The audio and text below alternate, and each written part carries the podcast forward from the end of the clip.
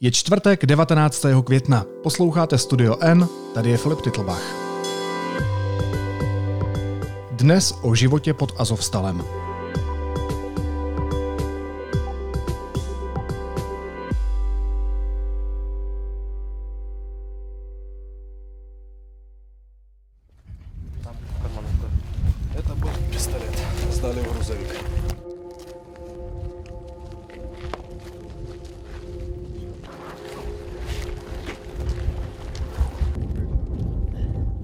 Rusové pojali záchranu vyčerpaných a polomrtvých ukrajinských vojáků jako velkou propagandistickou show. Ukrajinci naznačují, že za kulisami maškarády probíhají delikátní jednání. Co se přesně stalo a jak vypadá život v podzemí oceláren Azovstal v Mariupolu? O tom si budu povídat s reportérkou Petrou Procházkovou, která se vrátila z válečné Ukrajiny zpátky do Prahy. Petro, vítej, ahoj, rád tě vidím. Děkuji, Filipe, taky jsem ráda, že jsem tady.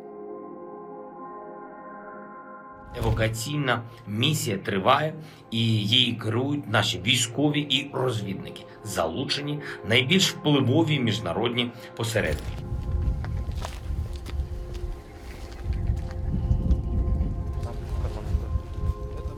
Stal se z Azovstalu symbol ukrajinského odporu ve válce, kterou Putin rozpoutal? Je to, vidíš v tom nějaký symbol? Uh, ano, vidím v tom symbol, v tom smyslu, že uh, tady na tom odporu jakési opevněné pevnosti Azovstal uh, se vlastně demonstrovalo, ukázalo se, čeho jsou Ukrajinci schopni, jak dlouho jsou schopni vzdorovat obrovské přesile, jak velikánská je jejich motivace k boji. A i když jim jak ruští, tak západní vojenští analytici už před měsícem dávali jen několik dnů, psalo se o tom, udrží se ještě maximálně týden, ale možná ani to ne, tak oni vydrželi mnohonásobně déle a uh, myslím si, že tomu nevěřil vůbec nikdo. Nevím, jestli oni sami. Ty jsi říkala, že se tam ukázalo, čeho jsou Ukrajinci schopni, ale neukázalo se taky, čeho jsou schopni Rusové, a to ne v úplně jako dobrém kontextu, protože ruské letectvo schazovalo na ten obří areál těžké bomby, přibývalo tam raněných, naopak ubývalo jídla a léků, muži s amputovanými končetinami umírali ve strašných bolestech. Já jsem dokonce viděl na sociálních sítích záběry, jak tam Rusové používají zakázané zbraně nebo nekonvenční zbraně. Za prvé, dá se tohle ověřit? A za druhé, ukázalo se, čeho jsou Rusové schopní v téhle válce? Tak především um, takhle. Především si musíme říct, že nejde jenom o vojáky. To je strašně důležitá věc. My jsme uh, s Gabem byli uh, v Záporoží, což je nejbližší velké město Mariupolu, kam se odváželi evakuovaní právě z Mariupolu. V době, kdy uh, začala evakuace civilistů, kteří byli spolu s těmi vojáky, o kterých teď mluvíme, tak byly řadu týdnů v tom podzemí oceláren Azovstal. A to, co ty jsi říkal o tom, jak se chovala ruská armáda, jak eh, bombardovala celý ten objekt eh, těžkými, opravdu velkými leteckými bombami, ostřelovala ho ve dne v noci, neumožňovala, aby odešli civilisté, kteří zjevně chtěli odejít, to se odehrávalo právě i v době, kdy tam byly stovky, stovky žen a dětí to je uh, to nejzávažnější, co bychom měli uh, Rusům vytýkat, že nebrali absolutně žádné ohledy na civilisty.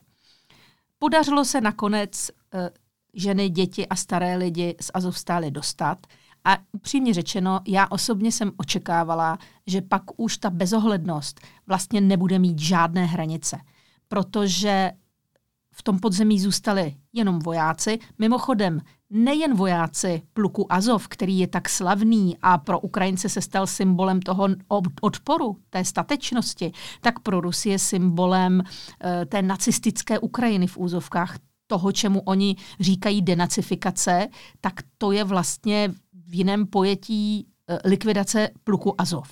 Ale kromě Azovu tam byli i jiní vojáci, vojáci 12. brigády Národní gardy Ukrajiny, 36. brigády námořní pěchoty, policisté, dobrovolníci, členové teritoriální obrany.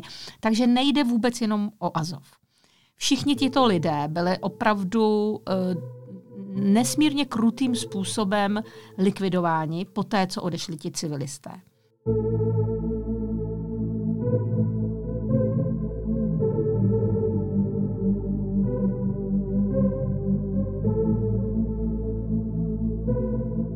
Další věc, která je strašně důležitá říct i vzhledem k jakému si mezinárodnímu právu eh, a zákonům, i ta válka jako má svá pravidla a své zákony. A raněný voják eh, to není objekt k dobytí. Eh, raněný voják, ať je tvůj, nebo ať je to protivník, tak je nutné poskytnout mu první pomoc a je třeba se o něj starat ať patří ke kterékoliv z válečných stran, z těch válčících stran. E, těch velmi těžce raněných vojáků bylo v jakési polní nemocnici, kterou vybudovali na, e, v tom objektu Azovstály e, také několik set. Byly tam prováděny těžké operace, amputace. Ti lidé pak trpěli velmi často tím, že už došla antibiotika, takže oni, uh, oni měli různé záněty, uh, infekce, umírali vlastně na nedostatek léků a Rusové neumožnili jejich evakuaci, a nebo alespoň dodávky léků, čisté vody a nějakých potravin dovnitř.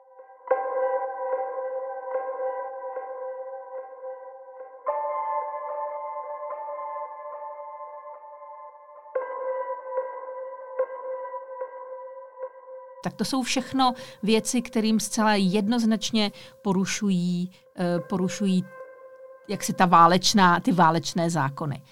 A víš, ono, kdyby si se díval někdy na ruskou televizi, tak by si pochopil, že vlastně Azovstál se pro Rusy stal poté, co utrpěli řadu neúspěchů na jiných úsecích fronty, především u Kijeva, ale také u Charkova což jsou jiné symboly, které moc chtěli dobít a tam pohořeli a měli tam velké ztráty a e, poměrně ostudně se tam ruská armáda předvedla, tak právě Azovstal se měl stát tou vlajkovou lodí ruského válečného úspěchu, která v ruské televizi teď hraje jednoznačně prim. Takže celé to je kromě toho, že je to velká tragédie, tak je to také obrovské až shakespearovské drama a divadelní představení. A jak to drama končí? Jaká je teď v ocelárnách a zovstal aktuální situace? Protože, jak jsem si všiml, tak ukrajinská i ruská strana to rámují úplně odlišně. Kapitulovali nakonec ukrajinští vojáci? Eh, těžko říci, jaká je tam přesně situace, protože eh, mnoho informací, které jsou zveřejňovány, eh, pochází z ruských zdrojů, a to i z ruských oficiálních zdrojů, které praví k dnešnímu dni, že bylo evakuováno 1730 ukrajinských vojáků. Těch různých oddílů a pluků, které jsem vyjmenovala. Z toho bylo 80 velmi těžce zraněných. Kolik tam přesně bylo vojáků, my ale nevíme. Odhaduje se, že přes 2000 a tady se nabízí úvaha nebo jistá intrika, eh, o které také Rusové hovoří a píší, že ti nejvyšší velitelé, ti nejznámější, ty, nejznámější tváře právě pluku Azov, eh, stále zůstávají v podzemí. Eh, obávají se vzdát se Rusům, protože došlo k takové zajímavé věci během těch posledních dvou, tří dnů, kdy ty evakuace probíhají. Aniž by byly ukončeny, aniž bychom věděli, aniž bychom věděli o tom, jaká zákulisní jednání probíhají, co s těmi lidmi dál bude, jestli jsou určeni jak k výměně za ruské zajatce na ukrajinské straně, nebo jestli je zavřou, nebo jestli je odvezou do třetí země, nic nevíme.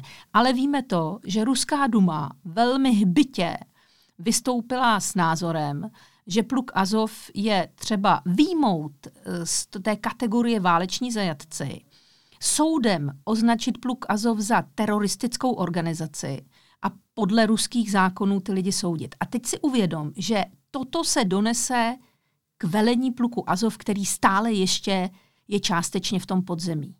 Oni musí prožívat obrovské lidské dilema vzdát se, oni vůbec to slovo nechtějí ani používat, vzdát se tedy do rukou Rusů, kteří je zcela jistě nebudou chtít vyměnit a budou je vodit jako opičky, jako nějaká zvířátka na ukázku před televizní kamery ruských kanálů a ukazovat Rusku, jak Rusko zvítězilo nad nacismem. Budou je ponižovat, budou si jim posmívat, eh, budou je nutit, eh, budou je přinejmenším psychicky týrat a zcela zjevně je nakonec v nějakém velmi teatrálním veřejném procesu odsoudí a zavřou.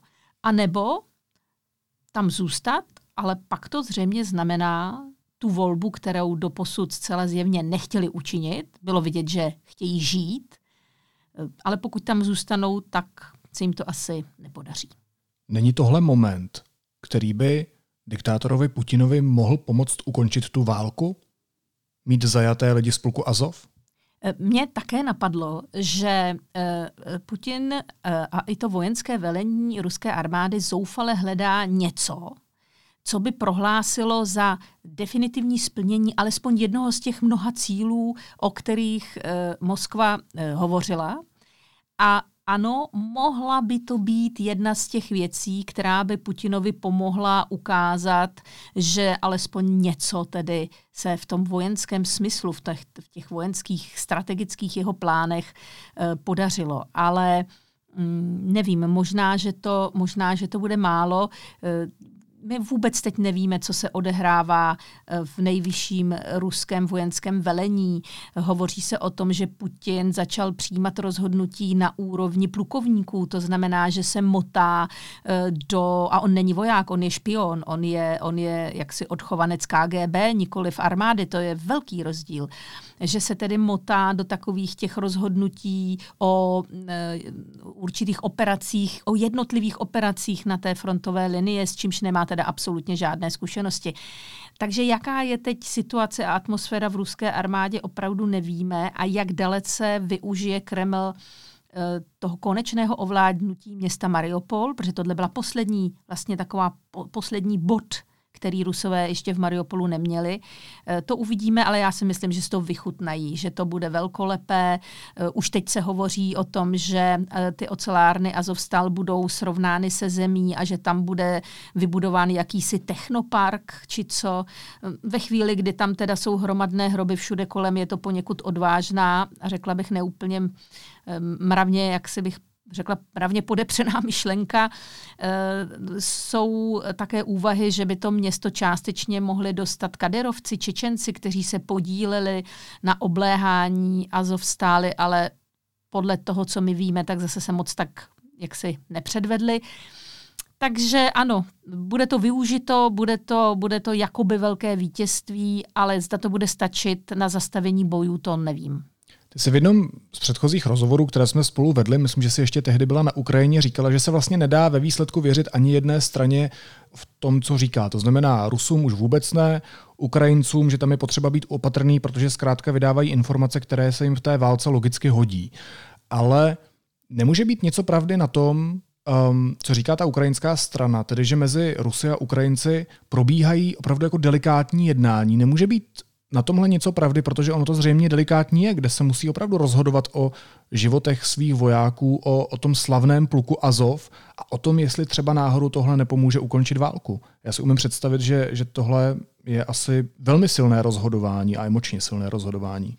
Eh, já si myslím, nebo z takových těch zkušeností eh, z válek vím, že eh, důstojníci i generálové, ale častěji důstojníci na těch nižších úrovních, se mnohem lépe dohodnou mezi sebou. Myslím tím důstojníci z nepřátelených stran.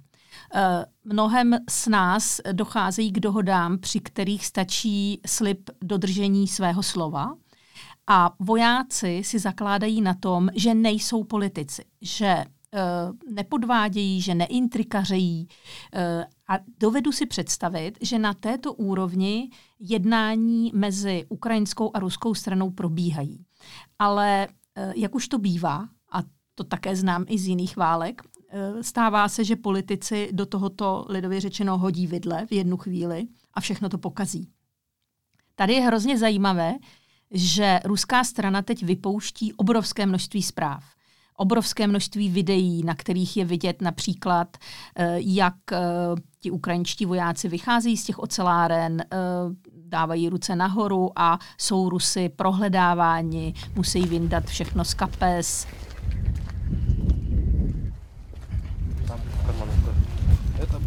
Není to nijak zvlášť, bych řekla, ponižující. Mně se zdá, že ty ruští vojáci e, se nesnaží nějak příliš ty své protivníky ponižovat. Ostatně oni jistě si jich takovým zvláštním způsobem musí vážit, protože to, co předvedli Azov a ti další ukrajinští vojáci při obraně Azov stály, je obdivuhodné. Takže mm, myslím si, že tam jistý respekt bude. Ale druhá věc je, co slyšíme z ruské dumy a z Kremlu. A strašně zajímavé je, že od Ukrajinců neslyšíme skoro nic. Eh, a právě třeba včera večer vystoupil zakladatel pluku Azov, který není v Azovstáli, je mimo, Andrej Bilecký, a který vystoupil s jediným prohlášením, apelem ke všem, i k novinářům především. Eh, snažte se minimálně spekulovat, snažte se minimálně komentovat, eh, předkládejte svým čtenářům pouze fakta, protože jakýkoliv, jakákoliv chybička, jaký, jakákoliv dezinformace, která se rozjede, může způsobit velkou tragédii.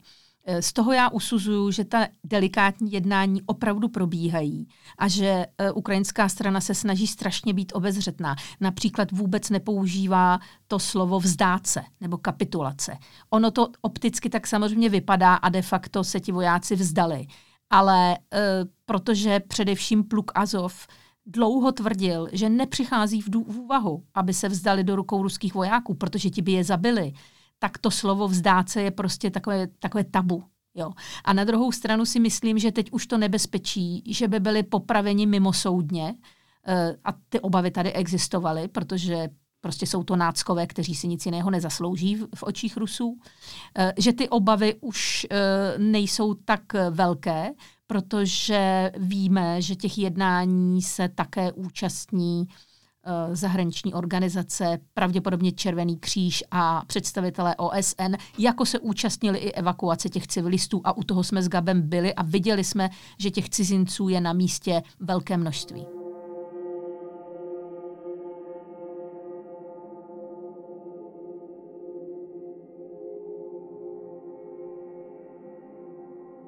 Když jsi byla u toho, když se od tamtud ti civilisté evakuovali, tak jak ti popisovali ten život pod Azovstalem, pod těmi ocelárnami?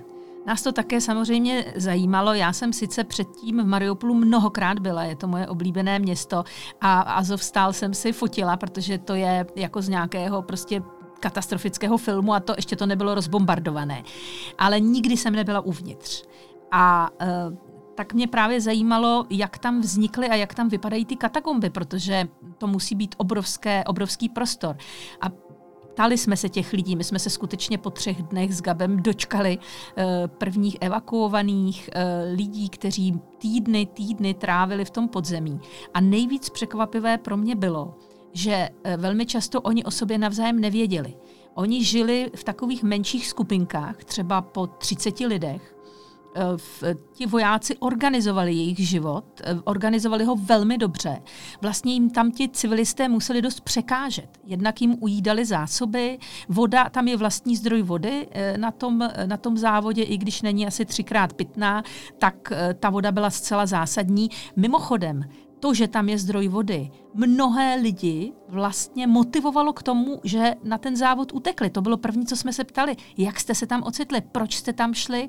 No za prvé, protože jsme viděli, že tam je voda a za druhý, protože jsme tam pracovali, nebo tam pracoval náš táta, nebo prostě strýček a řekli nám, že tam jsou dobré kryty. Takže eh, se tam ocitlo několik set lidí, kteří, jak říkám, žili v různých patrech, v různých místech. A prakticky nevycházeli na povrch, e, jídlo jim dodávali vojáci, ale vojáci s nimi nebyli. Vojáci žili v jiné části. E, můžeme pouze spekulovat o tom, zda e, se tak snažili oddělit tu civilní část od té vojenské. To se dělá, to je také jeden ze zákonů vlastně válečných, že bys neměl se usadit ve škole plné dětí a vlastně přitahovat na sebe pozornost toho protivníka. Takže eh, to tam takto vypadalo. Ptali jsme se třeba také, jak trávili volný čas, kterého měli tedy obrovské eh, množství eh, tak hráli karty, dokonce tam našli nějakou knihovnu, to podzemí musí být opravdu rozsáhlé a vybavené, našli tam nějaké staré knížky, takže si četli, některé některé dívky nám ukazovaly, že si tam e, rozplétali nějaké staré svetry, které tam našly a dělali si z toho takové panenky. Takže prostě různé, žili tam takový zvláštní život A bylo zajímavé, že oni vlastně nebyli až tak deprimovaní. Oni vypadali unaveně, vypadali, vypadali nešťastně, protože mnozí z nich přišli o své příbuzné, ale, eh, ale drželi se. Musím říct, že jako bylo na nich vidět, že ještě mají energii a ještě mají elán a také se zabývali myšlenkou, co bude s těmi vojáky, kteří jim tam tak pomohli. Takže eh, to bylo, to bylo prostě vlastně takové zajímavé setkání s tou realitou přes tyto lidi. My, když jsme se Petro včera večer potkali v redakci, tak se mi vyprávěla různé příběhy, které jste tam s fotoreportéry Gabrielem Kuchtu a Ivou Zímovou zažili. A povídala se mi taky, že jste prožili bombardování. Co člověk v tu chvíli dělá? Nad čím přemýšlí? Co cítí, když něco takového slyší a ví, že je to jenom kousek od něj? My jsme prožili eh, pravděpodobně o hodně jiné, eh, jiné bombardování, než třeba ty lidé v Azovstali, protože eh, my jsme zažili několik raketových útoků. A eh, raketový útok přece jenom vypadá jinak, eh, než, eh, než prostě když na tebe dopadají, seš někde v podzemí a dopadají na tebe několik hodin těžké třeba letecké pumy, eh, kombinované právě eh, s raketami a nebo opravdu těžkými raketami, jako je točka U, eh, tak to tam zažívali ti lidé. My jsme byli v jiné situaci, ale i to mě teda osobně stačilo my jsme zažili uh, raketové nálety v, v Oděse a ve Lvově, potom vlastně jednou i v Dněpru. Uh, a v Oděse to bylo hodně blízko.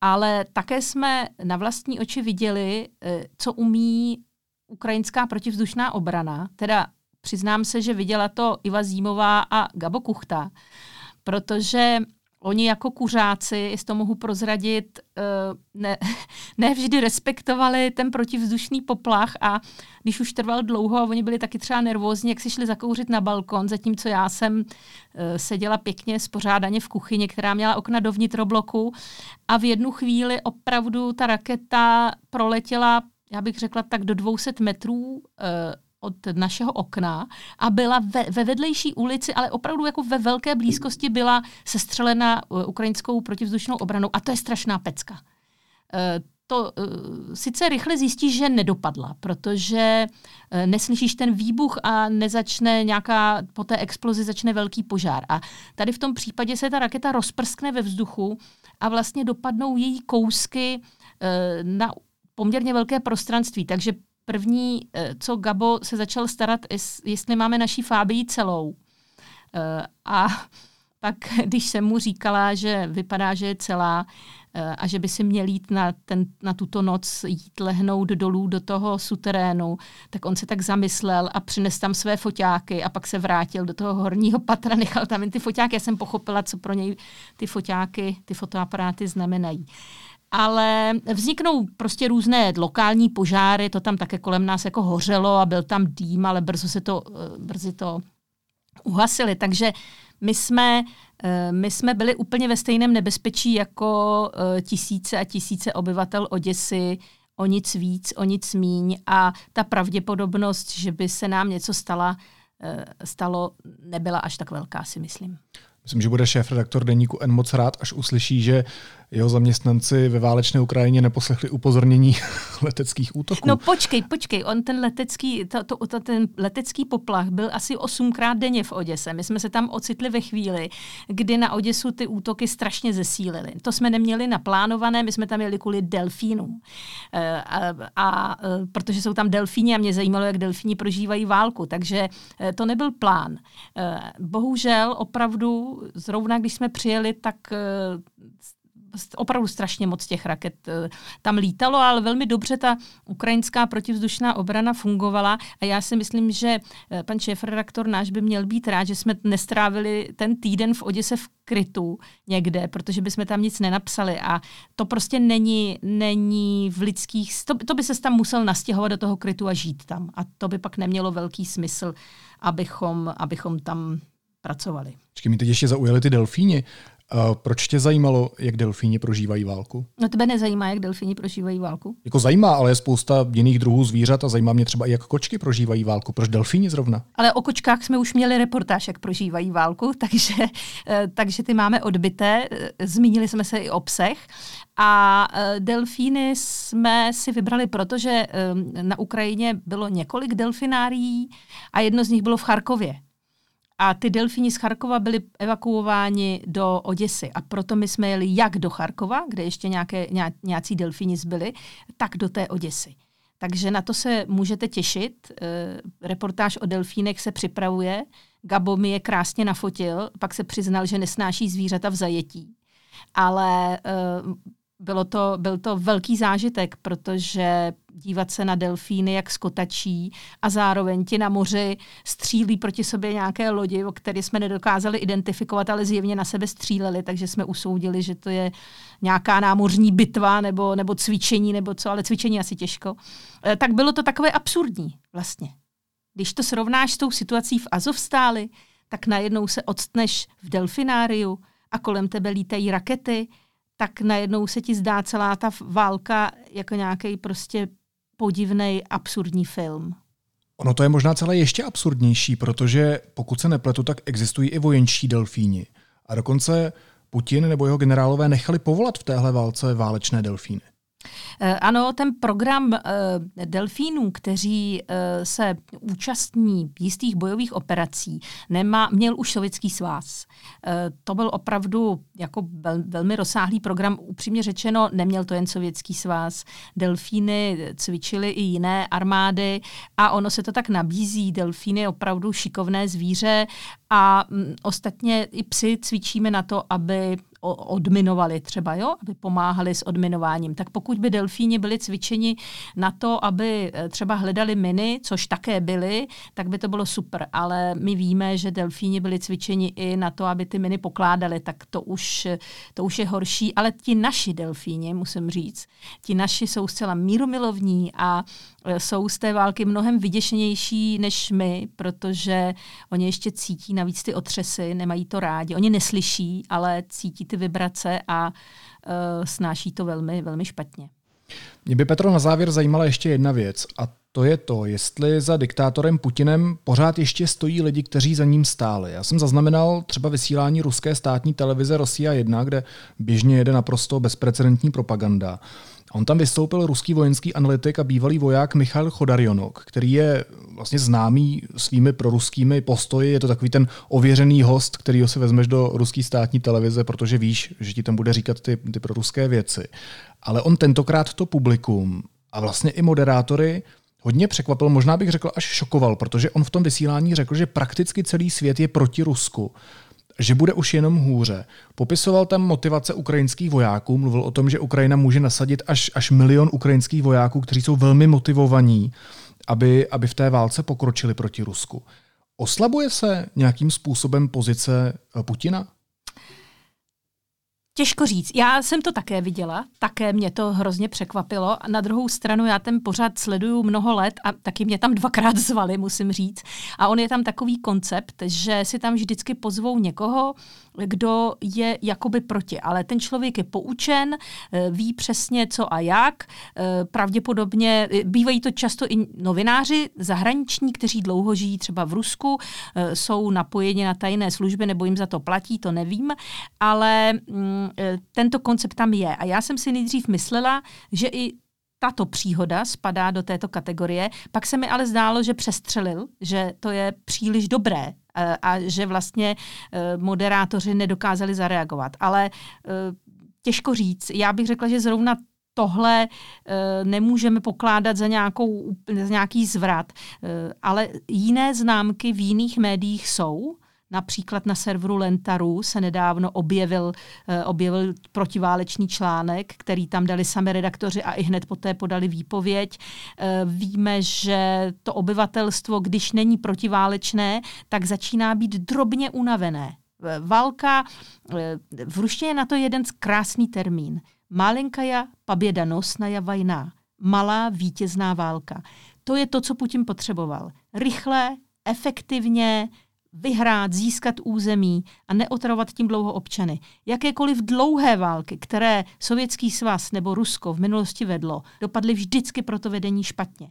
Ruské obyvatelstvo je ochotno strádat, eh, ale nikoliv nekonečně.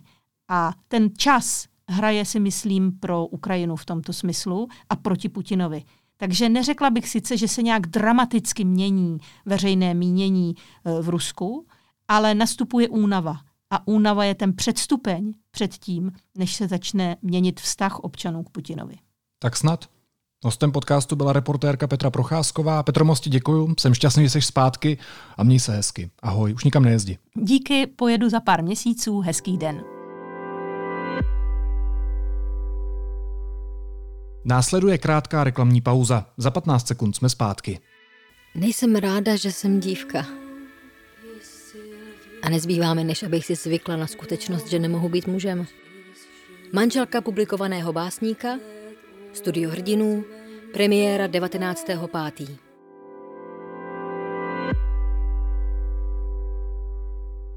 A teď už jsou na řadě zprávy, které by vás dneska neměly minout. Ruské invazní jednotky se v Charkovské oblasti na severovýchodě země snaží udržet obsazené linie a vést proti útoky s cílem získat zpět ztracené pozice. Ve své ranní zprávě o vývoji bojů to sdělil generální štáb ukrajinské armády.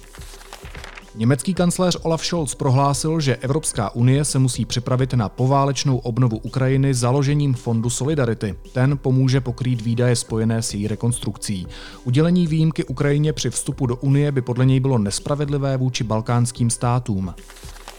Vláda zveřejnila seznam členů nové Národní ekonomické rady vlády. Skupina má 19 členů, mezi nimi je například sociolog Daniel Prokop, ekonom Mojmír Hampl nebo datová analytička Dita Formánková. Své přímé zástupce naopak nemají podnikatelská združení. Evropská komise zažalovala Česko, že nevymáhá nová unijní pravidla pro obsah audiovizuálního vysílání z roku 2018. Komise požádala soud Evropské unie o vyměření pokuty. A ve francouzském Cannes začal 75. ročník filmového festivalu. Na jeho úvod vystoupil ukrajinský prezident Volodymyr Zelenský s předem nahraným videoprojevem, v němž připomněl Chaplinovu parodii Hitlera ve filmu Diktátor.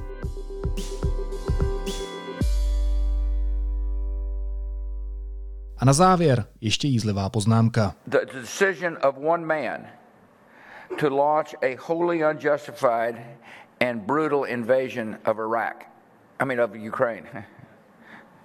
Uh... Americký ex-prezident George Bush omylem prohlásil, že je invaze do Iráku brutální a neospravedlněná. Hned na to se opravil, že místo Iráku měl na mysli Ukrajinu. Co na svědomí, to na jazyku. Naslyšenou zítra.